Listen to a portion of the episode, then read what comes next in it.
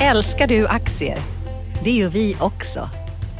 Sea Worldwide Asset Management är en av Nordens största oberoende aktiva aktieförvaltare och har samlad kunskap sedan 1986. Ta del av vår kunskap på seaworldwide.se. Bokstaven C, worldwide.se.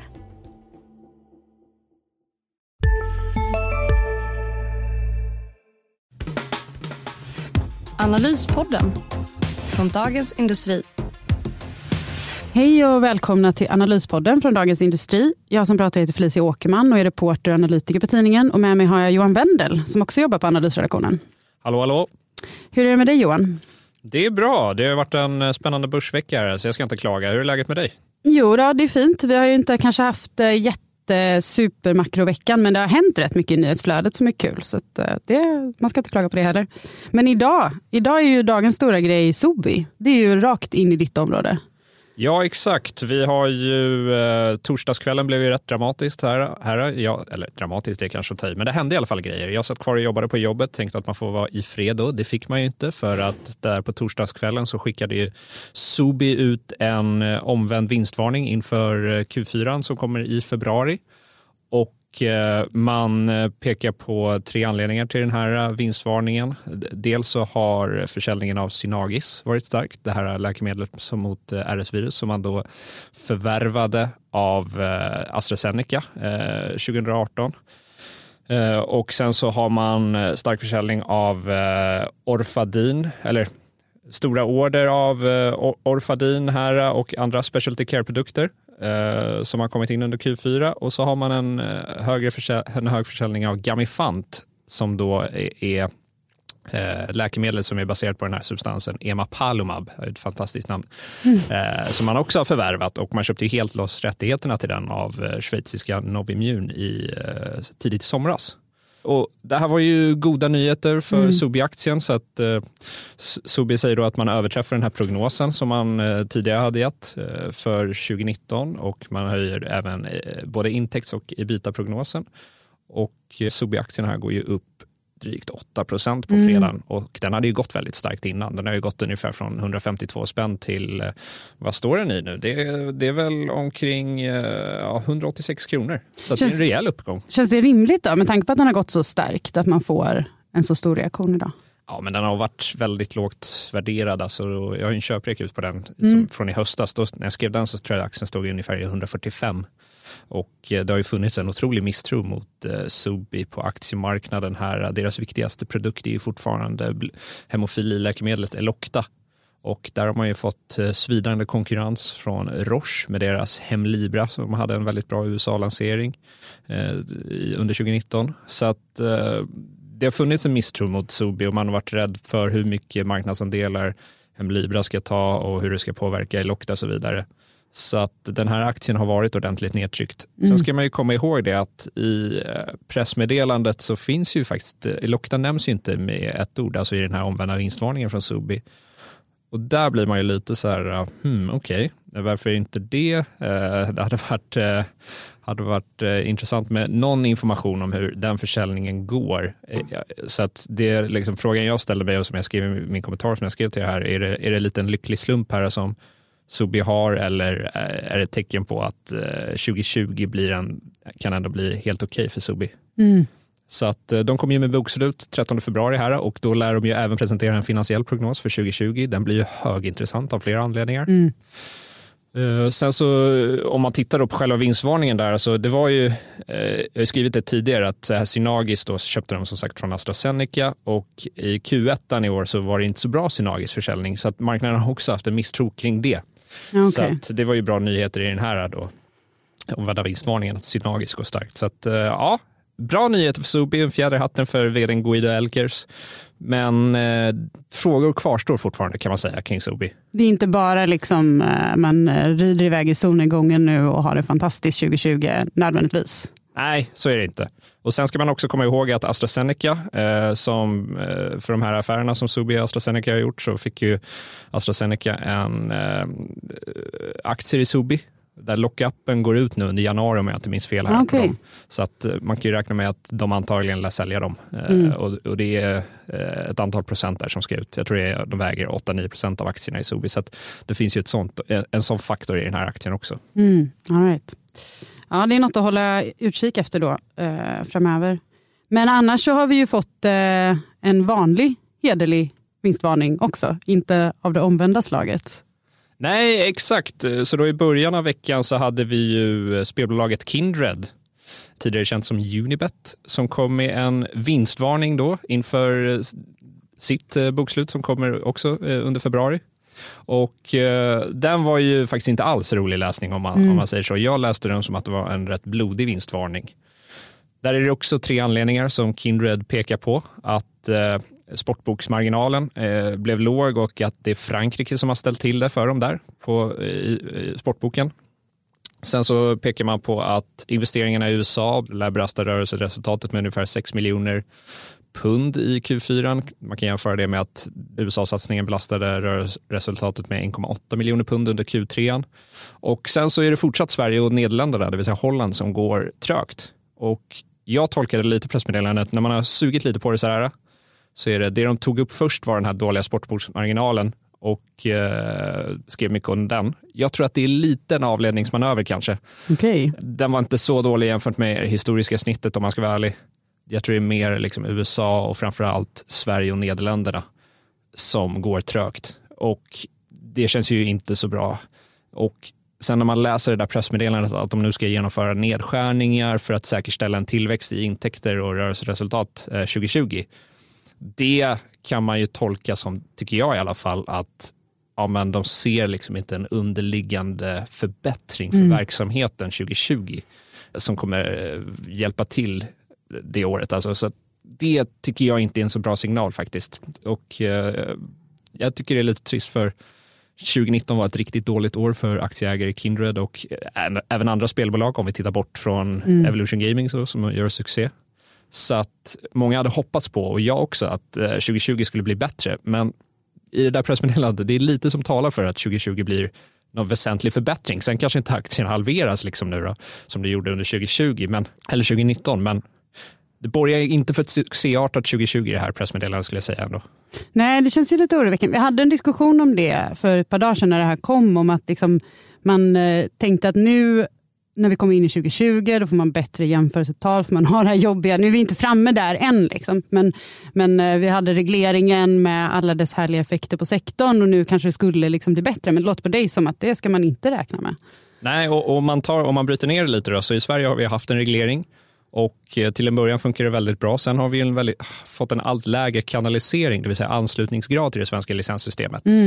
Eh, Så vad som har hänt är att eh, eftersom till exempel svenska spelbolag som är anslutna till licenssystemet får bara ge bonus en gång till en kund så har kasinospelare så här, som jagar bonusar och som kanske har spelproblem, de är avstängda via spelpaus, de söker sig till utländska spelbolag som står utanför licenssystemet och spelar där. Så att kanaliseringen har ju blivit allt sämre och när man pratar med spelbolag så, här så säger de ja, men kanaliseringen inom kasino, den är kanske 50, 60, 40 procent kanske till och med. Och det kan man jämföra då med, man pekar ofta på Spelinspektionen som säger så här att ja, men kanaliseringen är hög, den, är, den senaste siffran tror jag var 87 procent. Mm. Men då får man ha i åtanke att där räknar man in travet och där har ju i princip eh, man en kanalisering på 100 procent. Så när man bakar ihop det där så blir det ändå en rätt fin total, eller en hyfsad totalsiffra. Men eh, trenden för kanaliseringen, det ser man till och med i Spelinspektionens officiella siffror, att den är ju väldigt dålig. Och målet för spelregleringen är ju att ha en kanalisering på 90 procent och vi är under den i nuläget. Ja. Och när man tittar på civilmin- eh, Ardalan Shekarabi, då, ansvarig minister, så utspelen han gör kanske mer ska tolkas i en politisk kontext snarare än att så här, nu försöker vi maximera kanaliseringen i svenska spelsystemet, tror jag man kan säga. Ja, jo, men det tror jag absolut att det är rätt i. Men det låter lite som en sämsta av två världar. Att man, dels har bolagen det så här tufft, men problemspelarna de tar ju vägen någon annanstans, helt utanför licenssystemet. Ja, exakt. Det är dåligt för bolagen som försöker ta ansvar och eh, försöker ha ett konsumentskydd samtidigt som då konsumentskyddet blir obefintligt när de går bara till de här eh, olicensierade bolagen. Men jag tycker mig ana, jag modererade en spelkonferens här under hösten där både spelbolag och Ardalan Shekarabi var med och eh, den liksom taken jag kom iväg med därifrån var att ja, men nu kommer det bli mindre fokus på operatörerna och mer fokus på underleverantörerna. Mm. Det vill säga business to business-licenser. Att de här underleverantörerna ska inte få leverera sina spel eller dylikt till, eh, till eh, olicensierade bolag. Och även högre press på betaltjänstförmedlarna. Mm. Alltså du ska inte kunna betala via eh, vanliga betal, betaltjänster på de här sajterna. Och det verkade ministern vara rätt öppen för. Och det tänker man då ska ha större effekt helt enkelt? Ja, exakt. Ja. Vi, vi har ju pratat nu lite bredare om sektorn. Hur, har du någon eh, känsla för hur eh, oron kring Kindred har spridit sig vidare? Har den spridit sig vidare överhuvudtaget? Ja, men, äh, jag tycker väl det. Äh, man märker allmänt att det är dåligt sentiment i sektorn. Och Mm. Sen så har vi lite så här, alltså institutionella ägare. Vi har ju Swedbank Robur, gjorde ju en minst sagt vältajmad försäljning här Ja. dagen. Då, de fick ju, sålde ju aktierna strax innan vinstvarningen kom ut där på kvällen. Så att vi ser ju, och det, är ju inte den första institutionella investeringen som har lämnat den här sektorn. Så det är många som lämnar den här sektorn av, sektorn av etiska hållbarhetsskäl och så Mm. vidare. Eh, Den har gått knackigt eh, rent eh, finansiellt och eh, ja, i nuläget finns det inget riktigt som talar för att det ska brytas. Sen har vi en strålande stjärna i sektorn, Evolution Gaming, som sysslar Mm. med live casino. Och det, tar, det finns in, inte mycket som talar kanske för att det ska bli något strålande år för de övriga spelbolagen, men det finns heller inget som talar för att, eh, riktigt som talar för, för att eh, Evolution Gaming ska sluta gå så fantastiskt som de gör. Så att, Okej. Men vad är, det, vad är det de gör som alla andra misslyckas med? Är det bara att de helt enkelt har riktat in sig på en annan del av marknaden? Eller? Ja, men dels har de ju förstått hur eh, stor den här då nischen som det varit tidigare, eh, live casino, att det är det kunderna vill ha. Och sen så om man jämför till exempel med NetEnt som har ju misslyckats med sina satsningar inom live casino så när jag intervjuade NetEnts vd i fjol så sa hon så här att ja, men vi hade den tekniska lösningen men vi, liksom, vi underskattade hur svårt det är operativt sett att driva ett kasino. Alltså har du ett live-casino då är det som att driva ett kasino. Eh, och eh, jag tror att det är det som eh, konkurrenterna har underskattat här, hur, hur svårt det är att driva ett live-casino och Mm. hur liksom mycket lösningar, backoffice och sånt där. Som, det är högre vallgravar än man tror. Eh, vill man vara elak så är det så här, bara, ja, men det är ju bara lite eh, folk som står framför en kamera och delar ut kort. Men det är faktiskt inte så enkelt utan det är betydligt svårare att försöka kopiera Evolution Gaming. Mm. Och det är bara att titta på börskursen. De har ju nu ett högre börsvärde än det, alla andra svenska spelbolag som är noterade. Så att det är bara, det talar för sig själv. Apropå politiker, höll jag på att säga, väldigt smidig övergång där, så fick vi ju eh, nya prognoser från regeringen den här veckan. Det var mycket i det som var ganska intressant, tycker jag. Alltså dels, man kan ju bara börja med att konstatera att eh, regeringen lägger sig ungefär i linje med alla andra och tänker att eh, tillväxten ska ligga på 1,1 procent i år, ner från 1,4 procent i förra prognosen. Och man justerar också upp arbetslöshetsprognosen till 7 procent från 6,4. Det är ju en ganska liksom, ordentlig uppjustering ändå, får man ju säga eh, som är värd att ha i bakhuvudet i och med att vi har haft en viss osäkerhet kring eh, eh hur det egentligen är ställt på arbetsmarknaden. Hur, hur har den här inbromsningen sett ut? Hur, eh, var den långsam? Var den snabb? Ja, alla känner ju till de här problemen vi har haft med statistiken men man kan ju konstatera att arbetsmarknaden har försvagats oavsett. Men det som ju egentligen eh, var det riktigt intressanta var ju de här beskeden som kom kring eh, stödet man vill ge till kommuner och landsting.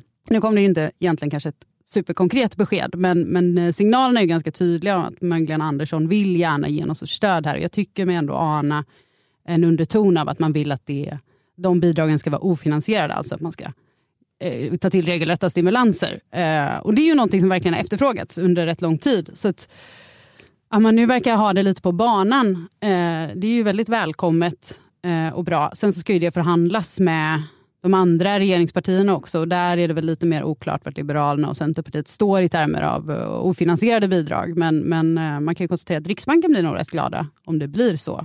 Eh, De har ju länge efterfrågat någon sorts politisk insats i form av just stimulanser i och med att de själva inte kan göra så mycket mer. Tror du att, så du tror att Ingves var glad över det här, de beskeden? Liksom? Ja, men det tror jag absolut. Alltså, Ingves hade nog en okej vecka ändå. Vi fick ju en inflationssiffra som visade att inflationen låg still igen. Eh, och det är ju bättre än att den sjunker, men, men det var ju inte tillräckligt. Sista dagarna nu på vårens stora season sale. Passa på att göra sommarfint hemma, både inne och ute. Och fynda till fantastiska priser. Måndagen den 6 maj avslutar vi med Kvällsöppet i 21. Välkommen till Mio. Har du också valt att bli egen?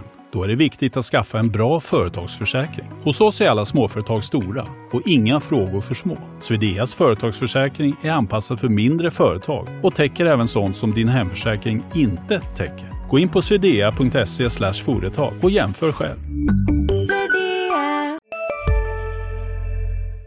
mycket för att övertyga om att eh, Riksbankens egna inflationsprognos framöver kommer att hålla, att den inte ligger för högt. De flesta tror ju att man är lite, lite för optimistisk. Om man går in i de där detaljerna och börjar liksom titta på decimalerna så ser man att trenden är faktiskt svagt negativ för inflationen. Och den har varit svagt negativ för inflationsförväntningar under ganska lång tid. Det är ju något som flera av eh, ledamöterna i direktionen har uttryckt oro för öppet. Att det, det, det går liksom åt fel håll.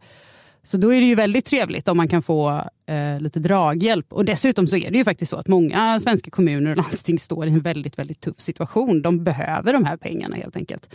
Kan man då slå två flugor med en smäll och både ge lite stimulanser, vilket behövs av flera skäl, och samtidigt också faktiskt ge ett stöd till eh, eh de andra delarna av den offentliga verksamheten som, som har större problem än staten, så är det ju väldigt positivt. Så vi får väl hoppas att man lyckas med de där förhandlingarna. Så att bättre att satsa på kommuner och landsting än att eh, betala av på statsskulden till exempel?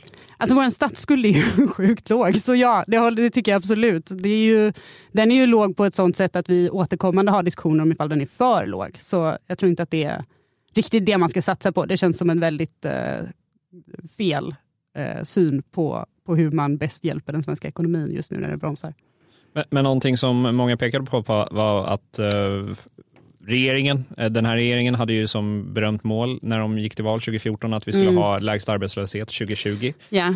Och det var ju väl rätt eh, låga arbetslöshetssiffror i Magdalena Anderssons prognos, eller hur?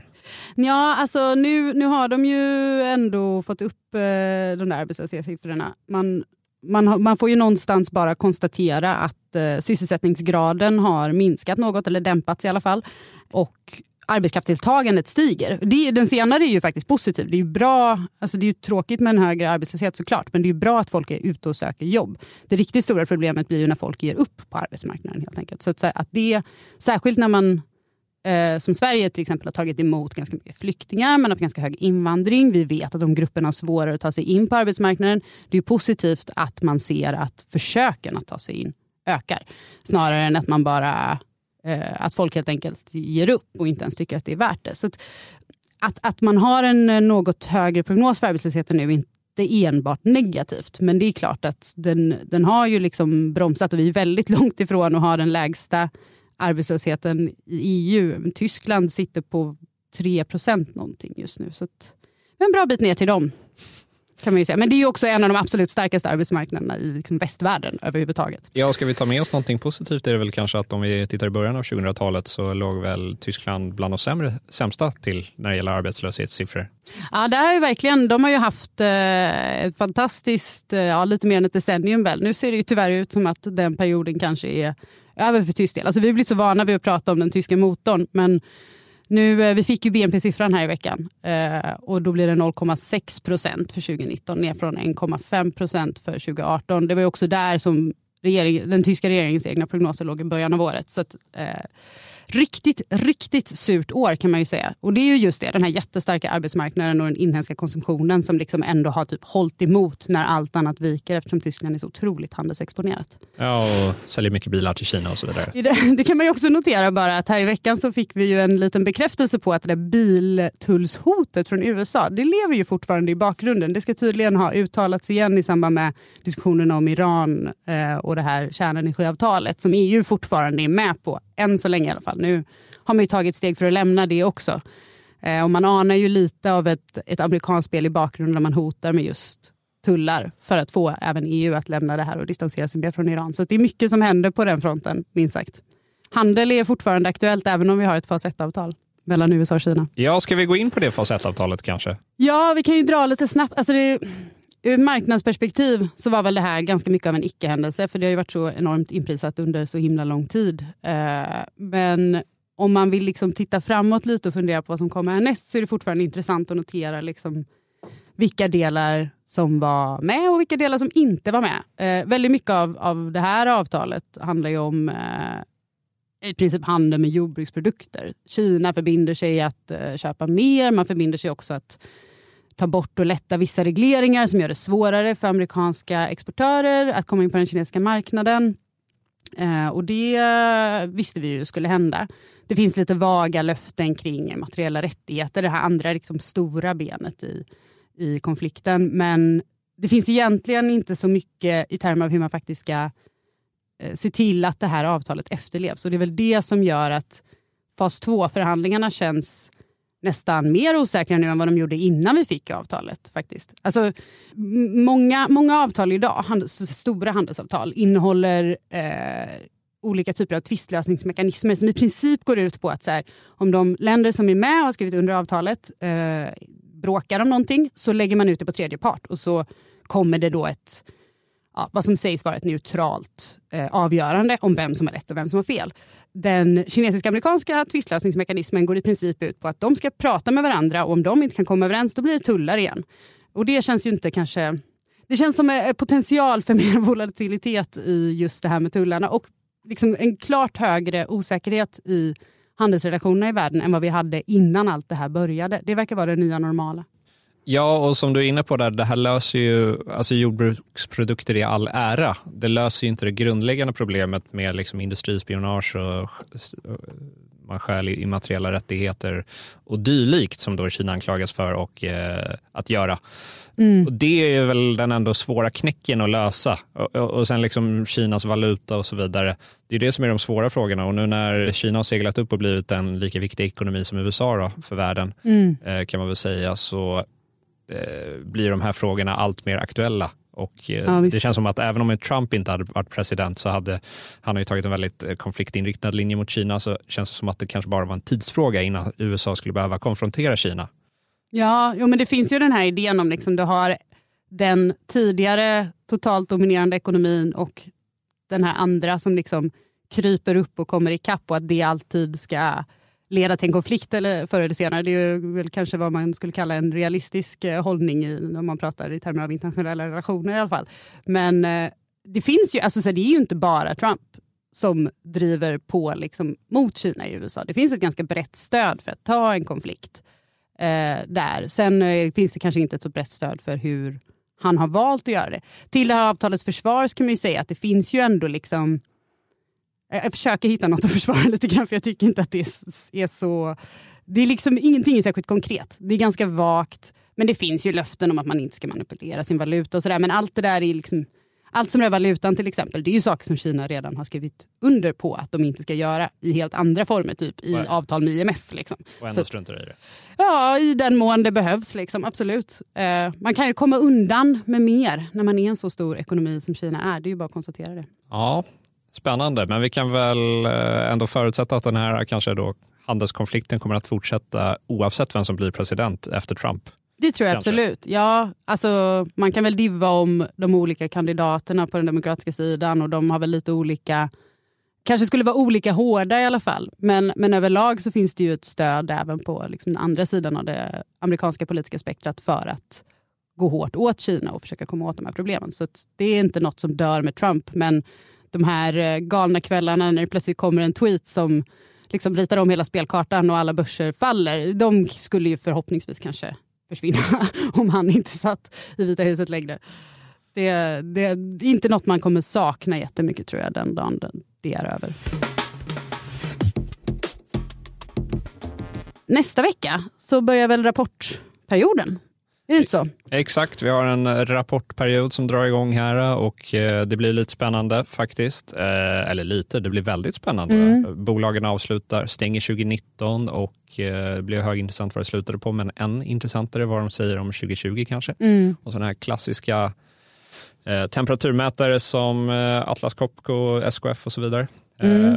Så att ja, högintressant. Jag vet inte hur mycket du tar in det i din makroanalys. Ja, men till viss del gör man väl ändå det. det är ju, som nu i veckan till exempel så har vi fått rapporter från de amerikanska storbankerna. Det är ju alltid intressant att titta på eh, dels vad de säger om, om hur till exempel ränteläget påverkar verksamheten men också eh, det som har varit intressant den här omgången, jag har inte lusläst dem än, eh, för den sista kom ju igår, eh, men det har varit intressant att se att så här, intäkterna när det gäller just fixed income, alltså räntehandeln, Eh, är betydligt mer stabila. Det har lite att göra med eh, jämförelsetalen, för att vi jämför ju med ett kvartal i slutet av 2018 där det liksom var allt bara rasade och allt var jättejobbigt.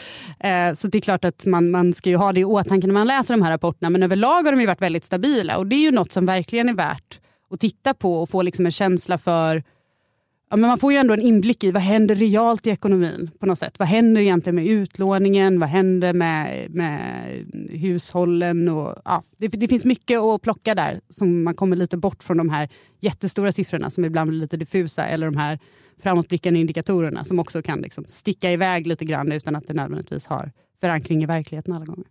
Ja, och eh, de här temperaturmätarna, om man tittar då konkret vilka bolag som kommer med rapport nästa mm. vecka. Så det, det första blir på tisdagen där, där Sandvik kommer med en rapport och det är ju en riktigt intressant, eh, även en annan intressant rapport kommer den dagen som kanske inte är lika konjunkturavgörande men jag tycker att det är spännande. Avanza då. då. Mm. Sen så lite senare under veckan får vi Essity och Ericsson bland annat. Så att eh, ja, det händer stora grejer redan nästa vecka. Ja, och sen drar det igång på riktigt efter det väl? Sen drar eh, det igång på riktigt, ja. Och det som vi ändå ska ge bolagen cred för den här rapportperioden var ju att det är ju faktiskt lite mer utspritt nu. Ja, det är sant. Eh, Q3, det var ju helt hemskt. När liksom, vad var det? Telia, Tele2 och ja. Ericsson samma dag. Ja. Tre av storbankerna samma, samma dag. och den fjärde dagen efter. Ja, man får, eh, när man tittar på den här rapportperioden så får man anta lite att bolagen hade sett det där själva och kanske inte var supernöjda. Ja, jag vet inte vem man ska tacka. Är det IR-cheferna som planerar det? Eller? Oavsett vem det är så tackar vi väldigt mycket för det här. Vi tackar för rockaderna i styrelseledamöternas kalender och eh, IR-chefer som ja. eh, eh, tänker på analytiker och media. Man kan ju också nämna, bara, för den som jag vet inte vem som inte skulle vara intresserad av rapportperioden, men om man inte är det och vill titta på makrosidan istället så får vi ju ganska många konjunkturprognoser nästa vecka faktiskt. Vi får en uppdatering från IMF som ju alltid är högintressant. Eh, två svenska storbanker släpper också konjunkturprognoser. Eh, både SEB och Swedbank kommer på tisdag så det blir väl eh, makrovarianten av att ha storbanksrapporter samma dag ungefär. Men ja. det ska ja. nog gå bra ändå tror jag. Och spännande med Swedbank därför en detalj jag minns från deras senaste konjunkturprognos var väl att de spådde ett ganska, en ganska rejäl uppgång för bostadspriserna. Vad var det? 5-10 procent? De har ju snackat lite om det. De har ju stickit ut hakan lite och varit eh, Ja, om man vill se det som oroliga eller inte, men just att det, ska, att det ska komma tillbaka de här väldigt skarpa uppgångarna i bostadspriserna. Så det blir intressant att se om det håller i sig i den här prognosen också. En, en, en, grej som vi inte kanske tittar på jätteofta, det är den japanska industriproduktionen. Men jag skulle ändå slå ett slag för den nu. Tala för dig själv. Ja. Nej, men för att, eh, vi fick orderingången häromdagen och den var så sjukt stark. Helt överraskande. Eh, så det ska bli väldigt intressant att se om det faktiskt reflekteras i produktionen också. Att den överraskar på uppsidan med. Att man har underskattat eh, hur det går där. Så den kan jag verkligen flagga för. Eh, brukar komma mitt i natten så man får väl kolla på det när man eh, kommer upp på morgonen istället för att... Man behöver inte sätta klockan kanske. Men, ja. Ja, men verkligen spännande hur vi inleder 2020 kontra hur vi inleder 2019. 2019 mm. var det konjunkturskräck och så vidare. Eh, börsen hade sjunkit jättemycket. 2020 nu står börsen på rekordnivåer mm. och vi, har liksom, vi, vi, hoppas på konjunktursignaler som visar på att det kanske är bättre än väntat. Precis, Skilda exakt. världar. Ja, ja, vi får se om det håller i sig eller om det här var typ en härlig vecka och sen kommer rapportperioden och plötsligt så ser det inte så bra ut längre. Det, ja. Vi återkommer helt enkelt i frågan. Tills dess så kan vi ju passa på att rekommendera eh, DIs andra poddar. Bland annat så har vi Smarta pengar som handlar om privatekonomi. Vi har Digitalpodden från vår digitalredaktion. Makrorådet som Viktor Munkhammar rattar. Eh, Förnuft och känsla, den här intervjupodden om ledarskap. Och sen så kan man ju lyssna på Ekonomistudion som podd. Och man kan också lyssna på vår Morgonkoll som podd. Eh, så det finns mycket att lyssna på i väntan på rapporterna. Kanon, det är bara ja. att göra. Men eh, då säger vi trevlig helg helt enkelt, antar jag. Ja, och tack för att ni lyssnade. Tack, tack. Trevlig helg. Hej. Analyspodden från Dagens Industri. Programmet redigerades av Umami Produktion. Ansvarig utgivare Peter Fellman.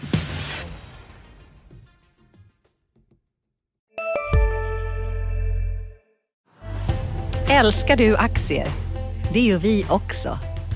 Sea Worldwide Asset Management är en av Nordens största oberoende aktiva aktieförvaltare och har samlad kunskap sedan 1986. Ta del av vår kunskap på seaworldwide.se. Bokstaven C, worldwide.se